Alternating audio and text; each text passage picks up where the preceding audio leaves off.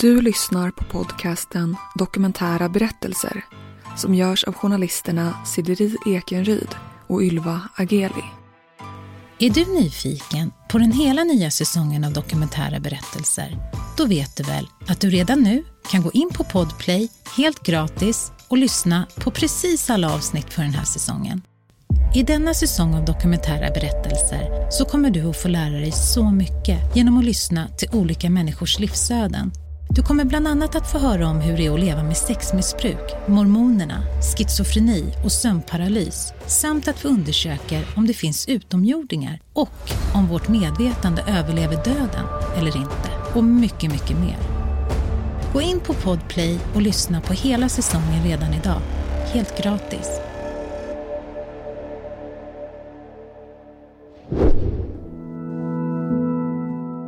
Enligt Schizofreniförbundet är schizofreni en allvarlig psykisk sjukdom som drabbar cirka 0,4 till 1 procent av världens befolkning och innebär mentala störningar samt förändrad verklighetsuppfattning.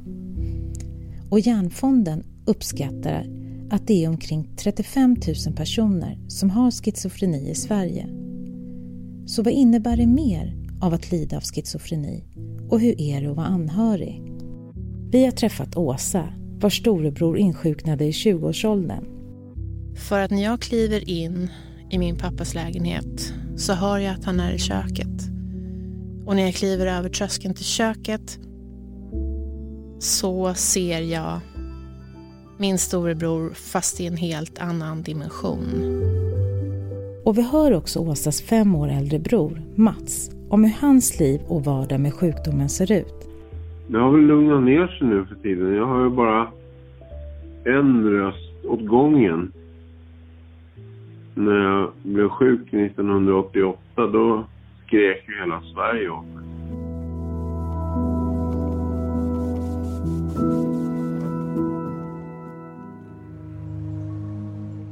Ibland när jag föreläser om, om, eh, om, den, om det här ämnet så brukar jag ha titeln Min bror blev en främling plötsligt en främling i sin egen familj.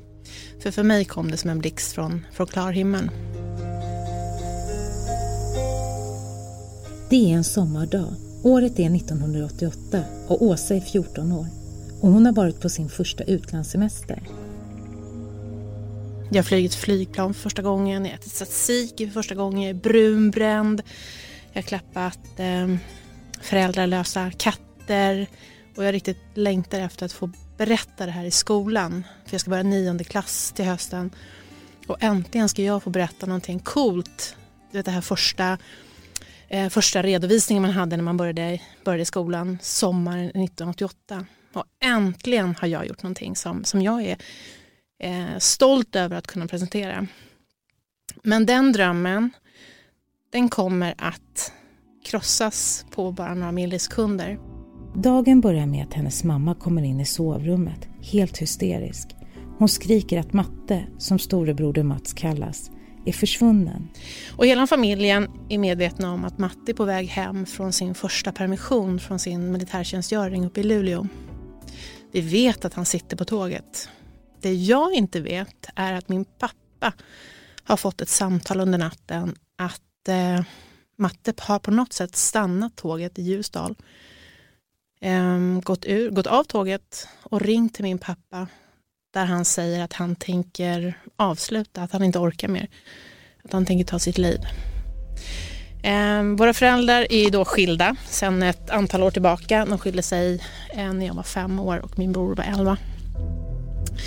Eh, så det min pappa gör är att han tar med sig sin fru och åker i ilfart från Stockholm upp till Ljusdal och letar, Få hjälp av eh, frivilliga, få hjälp av polis. Men det finns ingen matte i Ljusdal. Så då har han ringt till mamma och berättat historien. Ehm, och det första min mamma gör är att sliter upp mig ur sängen för att hon vill att jag ska följa med henne till T-centralen i Stockholm och se om vi kan komma i kapp eller kan möta tåget. De springer över T-centralen, hand i hand och oron stiger. Eh, det är nämligen så att när jag och min storbror, eller när våra föräldrar skilde sig så ingick vi en pakt. Eh, det skulle vara vi två för alltid. Och jag är nu rädd att jag har förlorat en del av min pakt. När vi kommer till T-centralen så har tåget redan kommit in. Och vi springer i varenda vagn. Vi öppnar varenda toalettdörr. Jag ligger under varenda, varenda säte för att titta om han finns där under. Men han finns inte på tåget heller. Och den känslan som nu finns i min kropp, den är otroligt svår att försöka förklara. Men jag är helt övertygad om att jag har förlorat min storbror. Mats är ingenstans på tåget. Istället kommer de på att han kanske har tagit sig till pappans hus i Bromma. De åker dit. Så vi fortsätter vår ilfärd. Och när vi ser pappas hus uppe på krönet så ser jag att ytterdörren är öppen. Och min pappa är på väg från Hjulsdal. Så då riktigt bubblar det till i mig. För då känner jag, men då finns han där inne. För pappa har inte hunnit hem ännu. Men, och det gör han. Han finns där inne. Men då kommer chock nummer två den här dagen. För att när jag kliver in i min pappas lägenhet så hör jag att han är i köket. Och när jag kliver över tröskeln till köket så ser jag min storebror fast i en helt annan dimension. Jag såg hon grät och hon var ledsen och jag hade skrämt henne så att eh, det fyllde mig med massa känslor, bra känslor. Eller ja, känslor för henne. Det här är Mats själv. Vi undrar hur han minns den där dagen 1988. Det var väl... Um, hon, hon upplevde mig som skrämmande på något sätt. Men vad vet jag inte riktigt. Han har sin första psykos. Och har man aldrig, aldrig sett en psykos så är det oerhört svårt att förstå hur det förändrar en människa. Men Jan brukar förklara det som att han eh, hade en helt annan energi i sin kropp mot vad han brukar ha. Han rörde armar och ben extremt fort. Han hade ett forcerat språk. Han, det lät som han var flytande i franska, i ryska. Han var Ronald Reagan, han var Gorbatjov och han var hotfull. Han hade nästan en svart blick och han hotade att dra ut njurarna på vår mamma. Så det var introduktionen till, till schizofreni.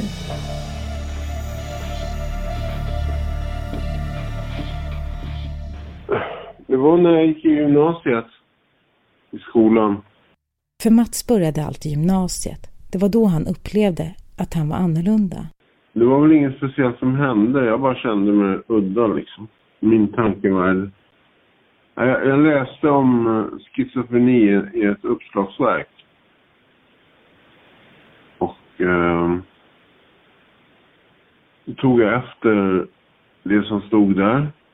Gammalt uppslagsverk, så det var inte modernt eller så. Och då jag kände jag att jag inte var som alla andra.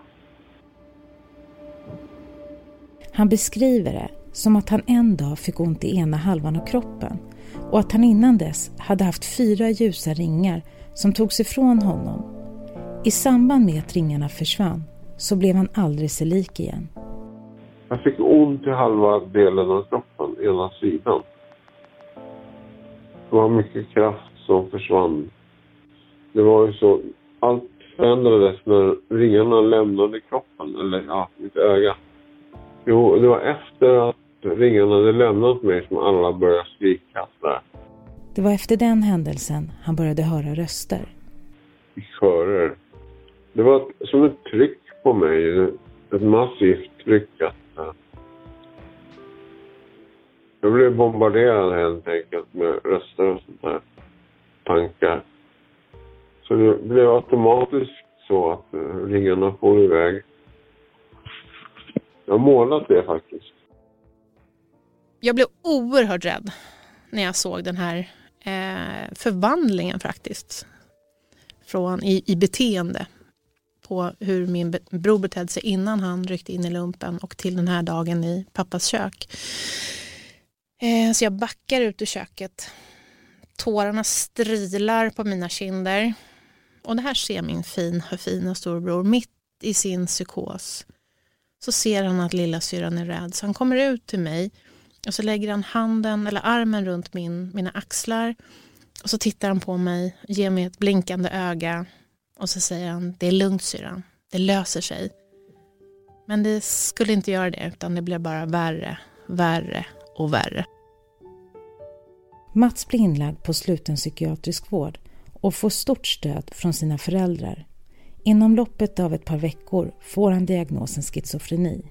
Och när jag läste om, eh, om sjukdomen, eh, det som stod i Bra Böckers lexikon 1988 var inte så bra. Det tillsammans med min brors förändrade beteende i pappas kök gjorde att jag tog avstånd. Jag vill inte vara med och jag vill absolut inte att någon skulle veta. Man är 14 år och det viktigaste som finns då det är att få med en gemenskap bland sina vänner. Och min stora skräck var ju att jag skulle bli utfrysen om folk vill veta vad som hade hänt under sommaren. Och det här var ju någonting som jag berättade för, för eh, mina föräldrar att nu har jag läst på. Jag vet vad det här handlar om och jag kommer inte vara med. Ni får klara det utan mig och ni får absolut inte nämna det här till eh, någon i mitt nätverk. Och mina föräldrar sa absolut, vi, det, här kan vi, det här stannar i familjen. Men det min mamma gjorde var att hon, eh, hon gick bakom ryggen på mig och berättade för min klassföreståndare, min baskettränare och mina bästa kompisars föräldrar vad som hade hänt. Eh, hon, berätt, de, hon berättade också om eh, att jag inte ville att det skulle komma ut. Och hon bad de här vuxna personerna att hålla ett extra öga på mig och höra av sig om de tyckte att jag behövde hjälp och stöd hemifrån. Eh, men det här är ingenting som jag fick reda på förrän jag hade passerat 20. Eh, hade jag fått reda på det, då hade jag nog rymt. Och jag tror inte att min familj hade fått se mig något mer. Men nu för tiden så är, när jag tänker tillbaka, så är det det vackraste någon någonsin har gjort för mig. För det min, min mamma skapade ju ett nätverk med vuxna personer som jag redan hade förtroende för. Och tänker jag ett steg till så var det ingen i klass 9C i Hässelby Villastads skola som fick hålla det här obligatoriska föredraget sommaren 1988. Min baskettränare startade studiegrupper efter träningarna. Eh, det var nog fler tjejer än jag i laget som kanske får lite illa. Mina bästa kompisars föräldrar såg till att jag hade rena kläder, eh, fick mat. Så jag brukar säga att jag är uppfostrad av flera familjer eh, och även min baskettränare. Och det tycker jag är fint. Det är någonting som jag försöker sprida eh, nu så här i vuxen ålder. Att barn behöver andra vuxna än bara sina föräldrar. Vi vill veta mer om hur rösterna upplevs för Mats. Det har väl lugnat ner sig nu för tiden. Jag har ju bara en röst åt gången.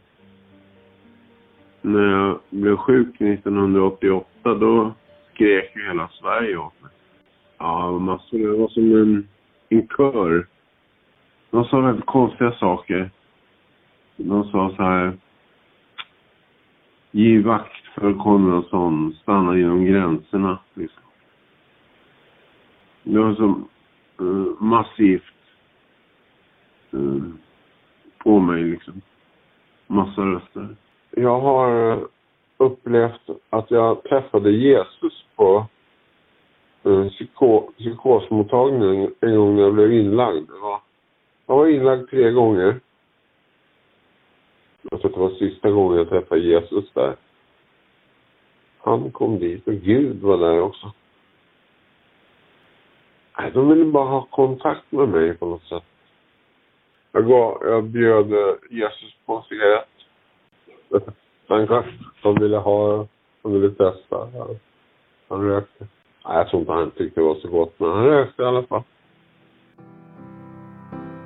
Åsa tog avstånd från sjukdomen i fem år. Men till slut insåg hon att hon behövde acceptera situationen. Idag har de en nära relation och Mats sjukdomsinsikt beror till stor del på deras mamma och läkarna. Um, Men, men absolut, och det handlar också om att han har haft, mamma har varit en stor, en jättestor hjälte i det här. Sen har han haft eh, fantastiska läkare som också har eh, bidragit med kunskapsspridning. För man har ju rätt att få kunskap om sin sjukdom även fast man lider av schizofreni. Och det kan vara svårare att ta in. Ehm, det gäller för de som levererar kunskapen att man är oerhört pedagogisk och eh, kanske tar andra vägar för att nå ut. Det här med din bror gjorde ju att du blev så nyfiken på schizofreni så att du utbildade dig och utbildade dig och utbildar mig. Ja. ja, men precis. Det är ju det är faktiskt min bror och hans sjukdom som gör att jag, att jag är där jag är idag. Så att jag valde att eh, utbilda mig inom biomedicin. Eh, sen tog, gjorde jag en forskarutbildning så att jag disputerade. Sen åkte jag till USA och gjorde en postdoc och nu är jag docent i, i farmakologi och bedriver egen forskning och arbetar också som, som universitetslärare på Uppsala universitet. Så jag är där jag är på grund av, eller tack vare, min brors sjukdom. Idag skulle Åsa beskriva Mats som ganska isolerad från omvärlden. Ensam.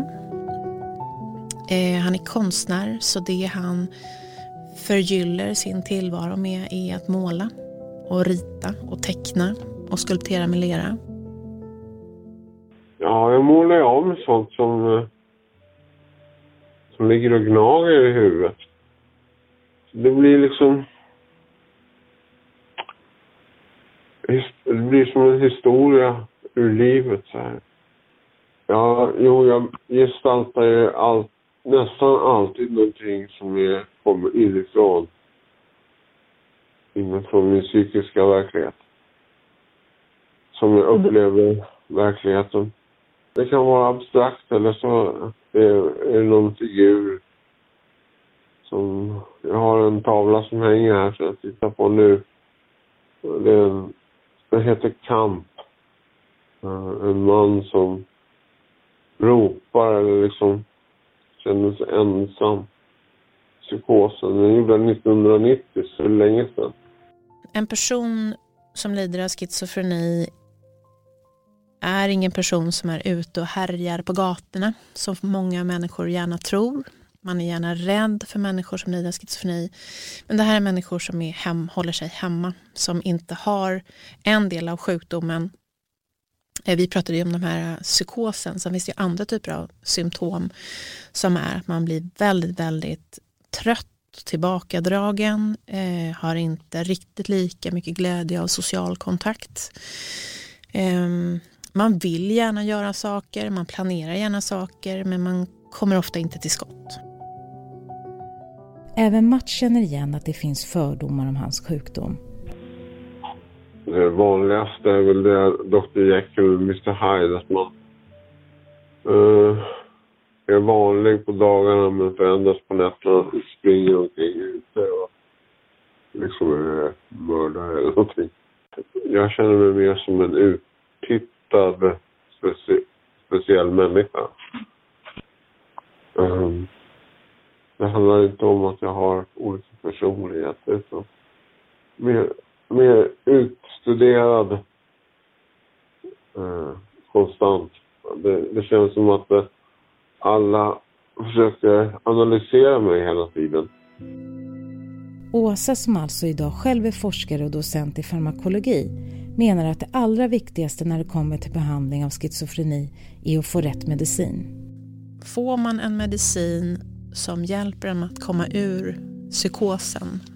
Är man noggrann och tar sin medicin och att man då inte får återkommande psykoser så är det också av väldigt, väldigt stor vikt. För återkommande psykoser eh, kan påverka funktionaliteten så pass så att man kanske aldrig mer kommer tillbaka där man var innan sina första eller sina psykoser, återkommande psykoser. Och funktionaliteten i det här fallet är ju att man kanske inte klarar av att sköta sin hygien, eh, handla, laga mat, träffa familj och vänner. Så det är oerhört viktigt att man får bukt med psykosen, att man inte faller tillbaka i det. Och sen tycker jag faktiskt att min storbror, alltså min, min mamma är ju är ju farmaceut så hon är, är duktig på mediciner. Eh, jag är, är disputerad i neuropsykofarmakologi. Eh, så han har, min storbror har ju ganska stor tur på så sätt. Vi har ju kunnat hjälpa honom och vi har också varit med på läkarbesök. Jag är med på de flesta, eller de läkarbesök jag får följa med på och försöker att hjälpa till. Både att förklara för, för eh, läkare och mentalsköterskor vad det är som inte fungerar, liksom, för det är svårt för min storbror att berätta. Eh, men det, han, det som jag tycker är imponerande av eh, det som psykiatrin har gjort, det är ju att de är uppmärksamma på vad han har för intressen. Så att han gillar att skapa. Så då har man hittat eh, ställen där han kan gå på lerterapi till exempel. Det är på helt andra sidan av stan än var han bor. Men han kommer ut och han kommer dit. Inte alla gånger, men i alla fall då och då. Ja, men eh, de funkar bra så att eh, jag, jag gör som läkarna säger. Eh, tar mina tabletter på den tiden och det känns bra. Jag känner mig inte felmedicinerad. Han har också fått KBT som behandling. Båda sakerna gör bra på olika sätt. Medicinen eh, funkar ju eh, så att säga, det är grunden. Ja, det tycker jag i grunden. Och sen eh, terapin kommer liksom i andra hand om man säger. Den ena saken utesluter den andra eller vad man ska säga. Om man inte har medicin så funkar ingenting. Um, har jag medicin så ja, då funkar ju terapin också. En, jag har pratat jättemycket med min storbror för att jag tycker att han är isolerad. Han har inte särskilt mycket, han hade massor med vänner när han var ung. Det finns inte en kotte kvar från dem, från det gänget. Han har inte ett umgänge med, med, eh, med gamla kompisar längre. Han har ett fint gäng av eh, killar i samma ålder och samma diagnos som hjälper varandra lite grann i vardagen, vilket är jättefint. Men han är egentligen ganska isolerad. Men man får, inte, man får vara noggrann som anhörig eller närstående att man inte lägger över sina eg, sin egen syn på livskvalitet. Um, för han mår ganska bra där han är. Han Finn trivs jättebra i sin lägenhet. Han trivs i det området han bor.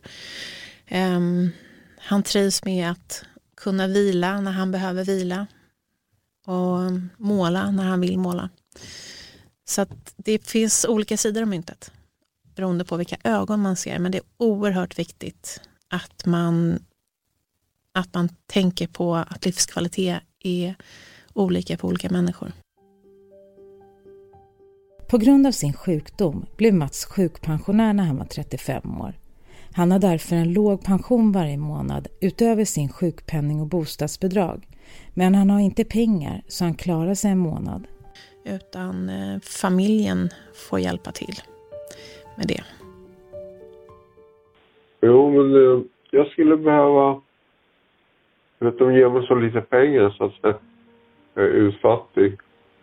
Eh, det tror jag inte är så bra att, uh, att människor ska ha det så här. Uh, lite pengar, det är jobbigt. Så det är ganska tufft. För det, och det tror jag inte många, alltså det är nog inte så många som tänker så. Vi tänker att det här fantastiska solidariteten som finns i svenska samhället, att alla får vara med. Men alla får verkligen inte vara med. Kan man tänka på de som inte är anhöriga då, som mm. har den här diagnosen? Ja, vilket är väldigt många. Är det hem, blir de hemlösa antagligen? Många av de som vi ser eh, på gatorna i, Stockholm är med stor sannolikhet har, har någon typ av psykisk sjukdom. Sen om det är schizofreni eller inte, det, det kan jag inte avgöra. Men, men såklart, det är svårt. Eh, för att du ska kunna ha en bostad så krävs ju att du har en kontakt med, med eh, de sociala liksom, myndigheterna. Eh, och det kanske du inte klarar av. Du vill, du vet, men du kommer inte för. Och då kan det vara så att man blir utan. Mats berättar också att en annan följd av sjukdomen, förutom rösterna, är att han ibland har fått en känsla av att han har kontakt med TVn och det som sänds. Jo, jag har ju upplevt eh, mig själv som i, i tidningar och så, att det är riktat mot en själv. Det har jag gjort. Eh, TVn också lite grann. Jag har fått, fått, fått kontakt med TVn. Så. Ja, det, det, det känns som att jag eh, blir påverkad och påverkar eh, utsändningen på tv till exempel. Det, det, det, är väldigt jobbigt. Jag gillar inte det.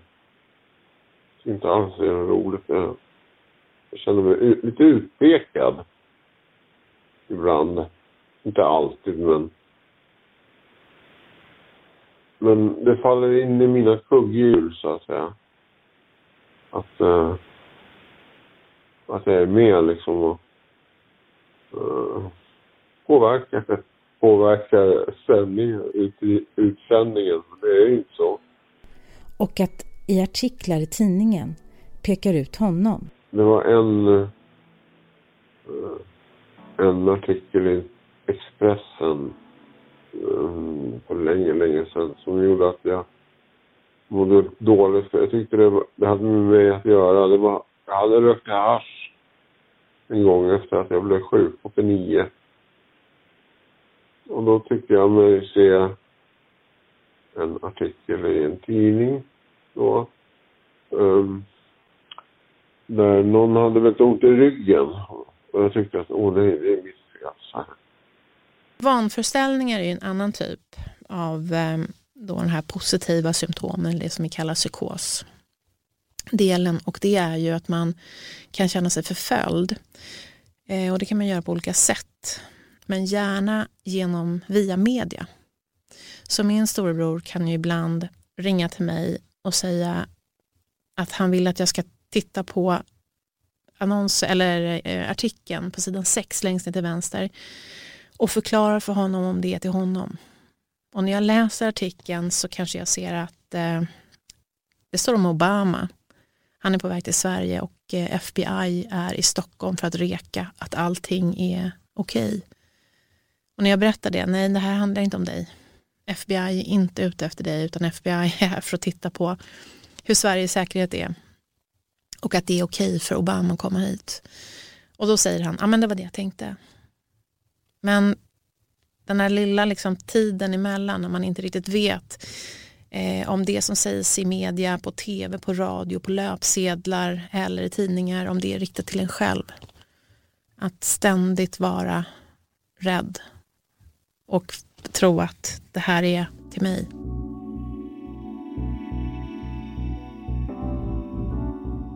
Så varför får man då schizofreni? Varför har till exempel just Mats utvecklat sjukdomen och inte Åsa, trots att de bär på samma gener? Så här är det att schizofreni är en eh, sjukdom med okänd patofysiologi och etiologi. Vi vet alltså inte varför vissa människor drabbas Eh, och vi vet heller inte vad som är fel. Men vi har hypoteser kring, kring sjukdomen och det är det vi behandlar utefter. Eh, sen om man tänker på självklart så finns det en, en, genetisk, en genetisk del. Eh, men den är väldigt komplex. Det finns inte en gen som kodar för sjukdomen schizofreni utan det finns hundratals eh, gener som kodar för schizofreni, att man har en ökad risk att drabbas. Men de kodar inte bara till sjukdomen schizofreni utan de kodar också för autismspektrum och bipolaritet vilket gör det väldigt svårt. Men sen finns det andra riskfaktorer som man också pratar om eh, och det är eh, till exempel att växa upp i en storstad ger en ökad risk. Eh, att missbruka cannabis innan 15 års ålder är också en ökad risk att utveckla schizofreni senare i livet. Sen finns det också eh, riskfaktorer som rör fosterutvecklingen. Eh, fostret som ligger i mammas mage är väldigt känsligt mellan andra och tredje trimestern, så i slutet av graviditeten. Så om det händer något väldigt traumatiskt i, som påverkar mamman. Eller att mamman svälter sig själv så att fostret inte får tillräckligt med näring. Eller att mamma får en väldigt, väldigt kraftig virusinfektion under den här speciella eh, tiden under graviditeten så ser man också en ökad risk att, att barnet sen när den växer upp får, eh, får en ökad risk att utveckla schizofreni. Har du själv varit rädd att få schizofreni om man tänker sig att det skulle vara ärftligt då? Mm, jag, var livrädd. Jag var livrädd varje dag i 16 år. Jag vaknade upp varje morgon och kände, har det hänt? Nej, det är lugnt. Eh, och det var faktiskt, eh, eh, det finns en, en, speciell situation som gjorde att rädslorna släppte. Och jag var, jag var doktorand, jag är 30 år vid det här laget. Eh, så att jag har alltså levt eh, med min bror då i 16 år. Var rädd varje dag för att själv bli sjuk. Men jag har anslutit mig till en forskargrupp som håller på med schizofreni. För första gången på 16 år så berättar jag för människor att jag har en storbror som lider av den här sjukdomen. För jag känner mig trygg bland de här forskarna. Och för första gången så känner jag att det är eh, att de här forskarna tycker att det är helt okej okay och de ser mig som en resurs. Jag har erfarenheter som de inte har. Men jag håller ett föredrag i den här forskargruppen eh, och jag har valt en artikel som eh, var skriven av eh, Kristina Hultman, en forskare på Karolinska institutet som hade tittat på eh, syskon till personer med schizofreni. Och det, när jag läste artikeln så var det så mycket som jag kände igen. Hon beskrev att syskonen kände hat, skam, mot både den person, mot sitt syskon som var sjukt och mot sjukdomen, vilket jag också gjorde.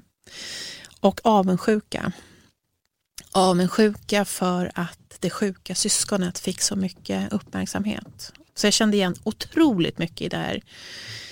Men sen så fanns det andra saker i den här artikeln som inte stämde överens med mitt liv och det var att eh, det finns en ökad risk för, för syskon till personer med schizofreni att man eh, missbrukar droger och eller hamnar i fängelse. Och det var det som skilde. Jag har aldrig provat droger. Jag har heller inte suttit i fängelse. Men jag beskrev den här, den här artikeln och eh, lade till mitt perspektiv på, på, eh, på mina känslor och berättade för forskargruppen. Och mitt emot mig så satt min professor. Eh, och han blev bara rödare och rödare och rödare i ansiktet medan jag höll på att berätta och till slut så dunkade han ner handen i, i bordet och så sa han nu får du sluta. Och han var läskig. Jag var livrädd för honom när jag var doktorand. Och han låter inte mig ens avsluta min presentation. Jag hade massa, massa slides kvar som jag ville prata om utan han lyfter mig nästan i nackskinnet och släpar in mig till sin, sitt kontor, släpper ner mig i sin läskiga soffa där man absolut inte ville hamna som doktorand. Och sen fortsatte han och han skällde på mig. Och det han skrek var du kommer aldrig att bli sjuk. Och det var en fruktansvärd otäck upplevelse eftersom han var så arg.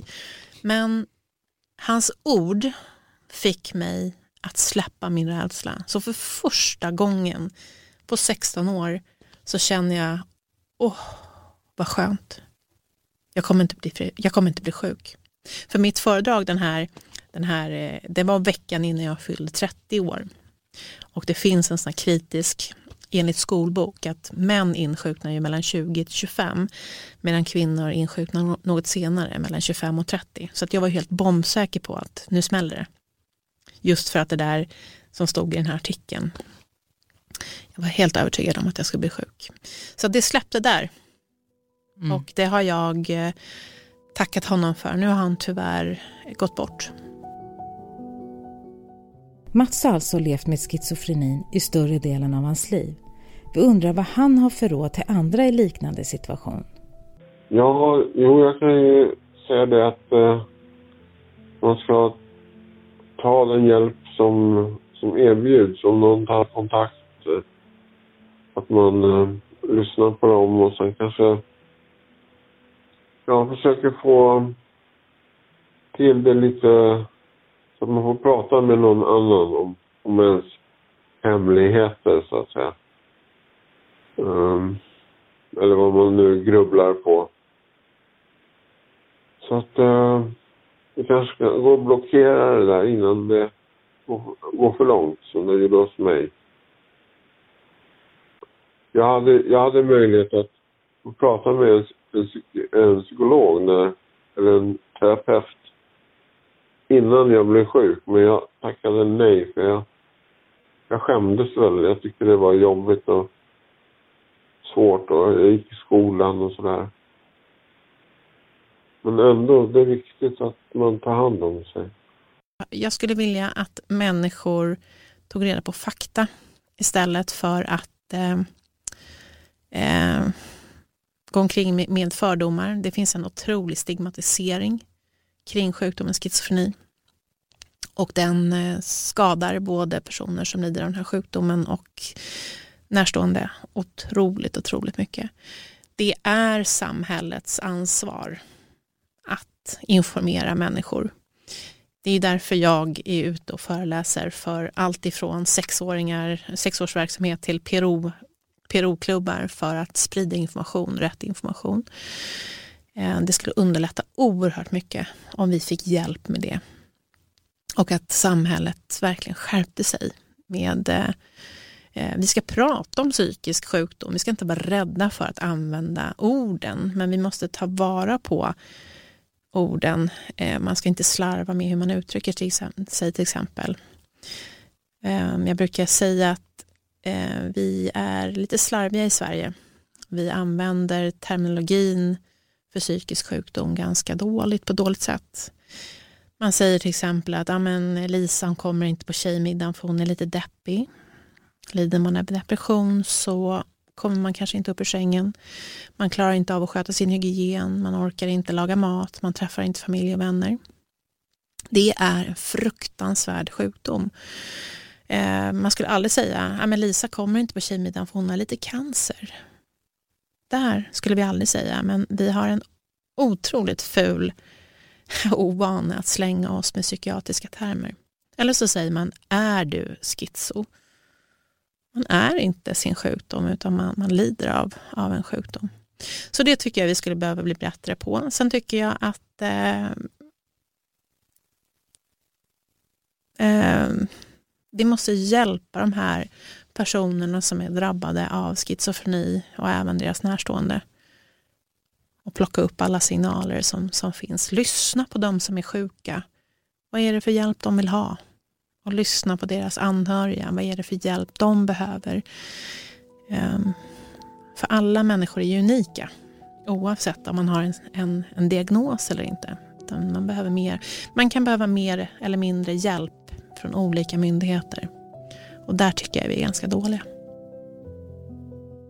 Även om Mats lever ett väldigt ensamt liv så har han ett umgänge som består av andra personer med schizofreni. Eh, det stämmer att vi kan prata om, om precis vad som helst. Våra upplevelser. Och sen känner jag det att man har en... Som en... Vad heter det? Att man känner, känner känner igen sig andra men, de människorna som har det svårt och det blir som en gemenskap på något sätt. Jag tror det jag riktigt, riktigt vill trycka på det är att eh, jag önskar att eh, människor slutar vara rädda. Eh, sluta vara rädda för ordet schizofreni och sluta vara rädd för, för personer som lider av sjukdomen. De är inte farliga. Eh, och tänka på hur man, hur man uttrycker sig, att man inte slarvar. För är det så att vi använder eh, terminologin för psykisk sjukdom på fel sätt så, så blir det liksom ut, urvattnat och de här sjukdomarna eh, vi förlorar respekten för, för vad de faktiskt innebär. Ja, de, de förlorar sitt syfte på något sätt. Och det vill jag att, att, eh, att människan slutar med. Tusen tack. Tack så mycket.